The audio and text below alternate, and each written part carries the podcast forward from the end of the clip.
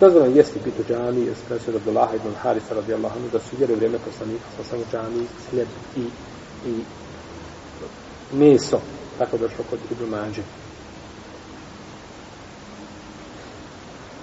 I došlo je da je žena ona što je čista džami, stanovala u džami. Isto tako ehlu supe.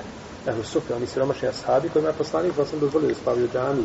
Prenosi se u vjerodostojne predaje kod Buhari i kod muslima da je Omer bio, Ibn Omer da je bio mladić, ovaj, e, pa je bio neoženjen, a spavaju u džami. I ovo nema govori kada govori o tome e, da li je ovaj, e, da li je e, sperma čista ili nečista. Spominje ovu predaju.